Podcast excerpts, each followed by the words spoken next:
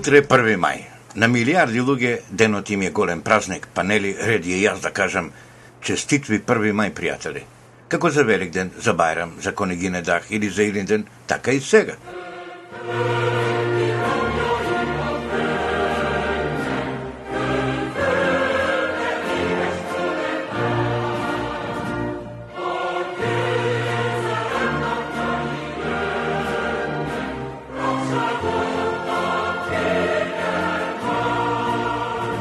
Има меѓутоа чувство дека овие новиве комуњари некако се снебиваат од интернационалата и од својот меѓународен ден на трудот. Коркачишта, а низ цел свет, едни чудни луѓе, ги викаат пролетери, излегуваат како реки. Ма какви реки, цели морења по булеварите Атински, Анкарски, Московски, ама не и Скопски, што би рекол неразбраниот поет Јозото Бошковски.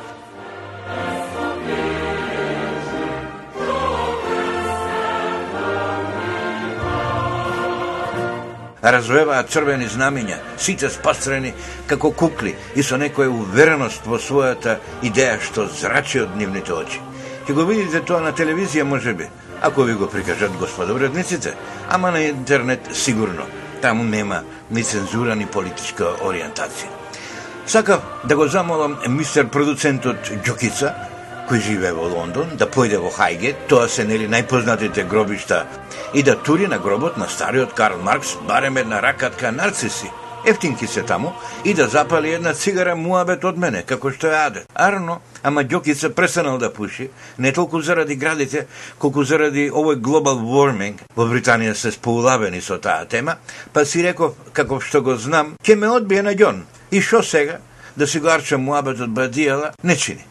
И затоа си премолчив. Покрај тоа, бев пред еден месец во Трир, во Германија. Бев таму по втор пат, во куќата каде што е роден Карл Маркс, па утринава си реков, може и со таа визита да поминам за 1 мај. А да ви кажам, куќата на Марксови големка, ептен сајбиска работа. Ни шверцерите со цигари по Скопје немаат такви, да речеш, палати. Долго размислував, како што вели кум Мишване, и заклучив дека покрај другото, Карл Маркс имаше и има толку бројни следбеници, затоа што за идејата не беше готов да го даде само својот живот, како секој обичен голтар, туку и својот Има Тоа го има и кај татковците на независноста на Америка. Тие велат во декларацијата на независноста ги даваме животите и имотите. Е, кога ќе ги даваш и животите и имотите, тогаш борбата за идејата е тврда, бога ме. Ако го дадеш имотот, ќе ти го животот, ќе се бориш до крај. И ова со имотите ме однесе малку потаму. Гледам како е некои луѓе, кај нас и во светот, се однесуваат спрема своите и туѓите имоти. Ене, земете го, на пример, оној латас од Скопски вечер. Гледам во едни блогови што се објавуваат на Оннет МК, кај Трендо, како ги прават салата тие луѓе од вечер, затоа што едно момче, умен блогер, бога ми мислам дека и дизајнер, Кашпер или Кашпар, повеќе индигнирано отколку гневно, објавува во својот блог дека вечер зел и публикувал без да го праша, без да го спомне како автор, една серија многу духовити виртуелни банкноти, македонски банкноти на нови денари. Мислам дека ем сте чуле за тој скандал, ем сте ги виделе банкнотите со ликови на политичари, на бизнисмени, мафијаши и така, убаво наместени луѓето, фино, зајадливо до терени, со контекст, некој повеќе, некој помалку успешни, ама сите негови. Авторски труд на момчето. А уредниците на вечер, деме господин Латас, лап и објави се ги без да почитува дека тоа е нечија интелектуална собственост. За голем број луѓе тоа е исто како да ти брцнале од джепот, да ти украле пари. Формула, научна формула, некаква собственост во која се вложени и пари за софтвер, а и за хардвер, богами, изгора на тоа време и труд. Јас едно време работев во вечер, дотерав таму до некоја голема буча и ја праве првата прослава на 10 години од постоењето на тој прв на македонски вечерен лист. Бев уште од првата недела дописник на Весникот од Лондон и така тоа име, Весникот, поимот на вечер ми е драг или сум сентиментален кон, кон него. Некако не може да го критикувам вечер и кога ќе ја грешеше, абстрактно или конкретно кон мене. Навистина не може. Ама сега Е, сега претерале. Ајде да е изолиран случај. Ајде да излезе господин Латос да каже, јас грешивме, извините, ќе компензираме. Може би тоа би ме натерало да премолчам. Еве да му дадат на човекот една, една компензација, да го афирмираат блогот на овој автор, да го изрекламираат неколку пати и со тоа завршена работа. Беше грешка се стори до гледање. Има стотици милиони блогери, не се баш стотици милиони, кои живеат кои работат само за да бидат посетени, чуени, признаени. Никому не пречат. Работат како мравки, се надпреверуваат во светот на комуникацијата, на мислење, идеи, фотографии, проекти. Па да му украдеш труд на такво суштество, па тоа е греб. Што вели дамата Харпер Ли. Тоа е исто како да се убие подбивна птица или славеќе. Така е тоа, мој тилата се. Треба да се извиниш и да сториш нешто за, за момчево од кого ги употребивте тие смешни ѓомти банкноти. Веројатно, и во Кина не се потресле во политбюрото или во тоа нивното обвинителство кога некој прв рекол, ајде скопирам без пари само еден албум, песни на Елтон Джон или на Битлсите, да го ставам на CD, така, за продавање на пазар, да извадам некој динар да видам дали иде. Да, ма така Кина стана светски проблем број еден. Со тој табиет земи туѓа интелектуална собственост, не каже ни од каде ни чиво е, ништо и користи го. Затоа Америка им скока забрати, вика, вака не може. Затоа и го прават тоа што го прават во Кина, велат, еве, еве, веќе не даваме така, нема крадење интелектуална собственост. И што се? Сето ова ме тера да кажем уште една друга работа во врска со таа интелектуална собственост. Еве, ќе речете нема врска, меѓутоа има многу дебела врска.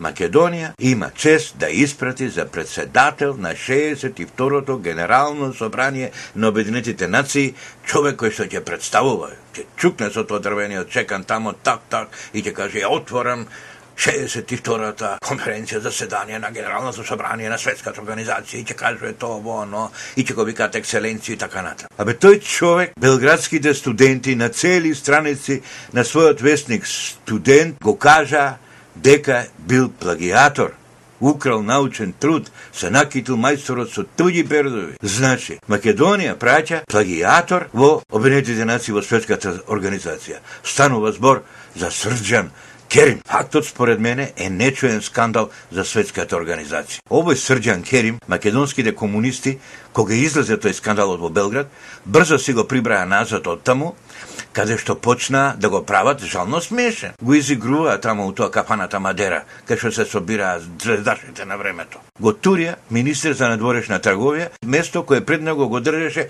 татко му Хасан Керим, штипски кадар како да им е наследство, беговина некоја, и е таткото министер за надворешна трговија, па и синчето ќе биде министер за надворешна трговија, не може да го направиме у Белград министерство за надворешни работи, зашто го зафркаваат сите тие србите. Ако не го мајка му србинка, тие мајтапчиите немаат гајле. И сега се прашувам кога го правеше ЕСАПот, за тоа кого да испрати во Њујорк, во светската организација. Дали Никола Груевски се праша Да што човек да одберем, како профил да пратам таму? Зар не знаеше тоа дека праќа човек кој што е прокажен во Белград како плагиатор? Не ми е јасно што сакале Груевски компанија да постигнат со оваа работа. Ако е за титули, има брда македонци со титули стекнати со без плагиатор. Ако е за дипломатија, има купчиња македонски дипломати стопати подобри и без опашки какви што се блечкаат за овој срджан. Керим. Значи, по тие критериуми не е и не може да биде избран. Значи, нешто друго треба да е. Еве, да сакал Никола да покаже колку сме ние македонците и се па после 100 години борба за национална афирмација нели на светот, кој што го се го свати како културен напревар меѓу народите, а не крадење туѓи мисли, меѓу 2 милиони и 200 хиљади народ одбра српски турчин, тој да ја представува Македонија еднаш 100 години. Па што не го одбере господин Ѓунар Исмаил, чист господин и Саглан министер и чист етнички чу, турчин и чист автор како Алтан, а не набеден плагиатор и половина србин како Срđан Керим. Значи не е ни у Тоа тајната. Ако е за политика, па што не земе да го прати господин Али Ахмет? Е, моли Ренцо Хавер Солана задоволни, ем сите етнички албанци на Кейплени ќе се вратат во собранието, ќе почне да работи и ќе дигнеме таму ѓулулти, ајде, ќе влеземе во Брисел. Ем албанското лоби во Америка ќе сврти тефтер и ќе почне таму во Конгресот, во Сенатот да каже не се толку лоши овие македонцеве и така натаму и така наваму. И мед и млеко ќе потече под државата македонска ефект како три Охридски договори. Ама не, него турани Али Ахмети. Се во ова што ви го кажувам има за цел да ве потикне да проникнете до одговорот зошто вака се деградира македонството во целина. Од каде таа работа? Кој им кршеше рака? Дали е тоа господин Киро? Дали е тоа оној Вукобрат од Париз? Дали е тоа, како му беше името од Германија, Хомбах? Такви луѓе изгледа и ми рекле, земите го Срđan Керим дете тоа. Значи, ова се е многу сериозна работа, затоа што сега председавач на 61-то заседание на Генералното собрание на Обинетите нации, намерно го кажувам ова да се разбере што голема е, институција е во прашање, е незината екселенција шеиката Хаја бин Рашед Ал Калипа. Таа е арапска принцеза, почитувани слушатели. Шеика е како шейк, само женско. Како што има шейк, така има и шейк. Брат и сестра, едниот ќе биде шејк и ќе го лопне престолот, а шејката еве ќе шетаат по Обединетите нации и ќе биде принцеза. Таа е правнука, мислам на основачот на Бахрeinското владетелско семејство. Тетка, родена тетка на сегашниот крал на малата, ма богата островска државичка. Не знам како ќе го протолкувате фактот дека принцесата Хаја бин Рашед ал Калифа, во чија иста столица треба да седне оној Керим што ви го кажав каков е, таа значи принцесата Хаја шеиката е член на арбитражната комисија на Светската организација за интелектуална собственост. Јас мислам дека шеиката знае дека Срджан Керим е обвинет дека магистерскиот труд го плагијализирал и дека неовластено се користел со туѓа интелектуална собственост. Не само што е богата и тотално независна за пари и за што дае, принцесата Хаја бин Рашедел Калифа, како и сите шеици и шеики по имератите, е научена да го добие она што ќе го посака. Така, без да им брчи на машките глави на кралското семејството Ал Калифа, таа се зарекла сама да ги брка плагиаторите. А незините, такви се мирите и шејците, и рекле, ај батали го тоа, туку оди амбасадорка во Франција, во УНЕСКО. И во, во Париз, кај да е тамо, е по Швајцарија да видат оние на дивиот запад колку сме ние мирите напред, дека не ги држиме ние своите жени забрадени скриени дома. Нема кај арапите трте мрте, како што и рекле, така и направила. Па станала после тоа Chief Legal Counsel на Бахринското кралско семејство, зашто е послушна е и умна и принцеза, Па потоа си отворила и своја адвокатска канцеларија, па ја избрале за судија на меѓународната арбитража на Светската стопанска комора, уште седи тамо, и се така некои фини работни места, и на крај лани ја протурка шејците на семејството Алкалифа за председателка на 61-то заседание на Генералното собрание на Обединетите нации во мандатот што и припаѓаше на цела Азија.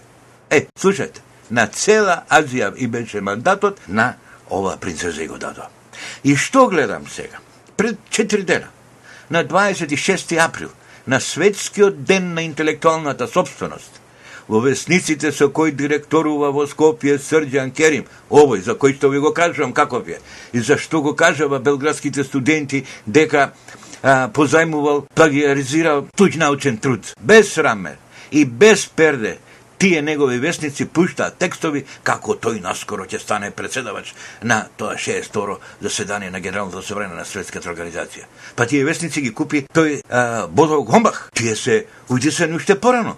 И сакам да кажам, какви мрежи се преткаат околу нас, какви се работи срамни се случуваат и како и колку таа Македонија, еве ние сите, трпиме, без да му кажеме на тој премиерот, абе Николче, собери работава, ова не бидно е. Јас ве уверувам дека ќе дојде октомври и тога ќе ќе пукне брука, затоа што тога ќе се јавуваат од соседите наши и да зборуваат, абе кај го најдовте тоа сега разбравме ми е? Не. Они сега може да го запрат. Тие сите му знаат, цела ција знае, секоја запетка од кај ја има позајмено за магистерскиот труд. Намерно не го кажуваат тоа. Чекаат да се избламираме, да го пуштиме че го напред, па после да кажат, еј, што ставите, плагиатор.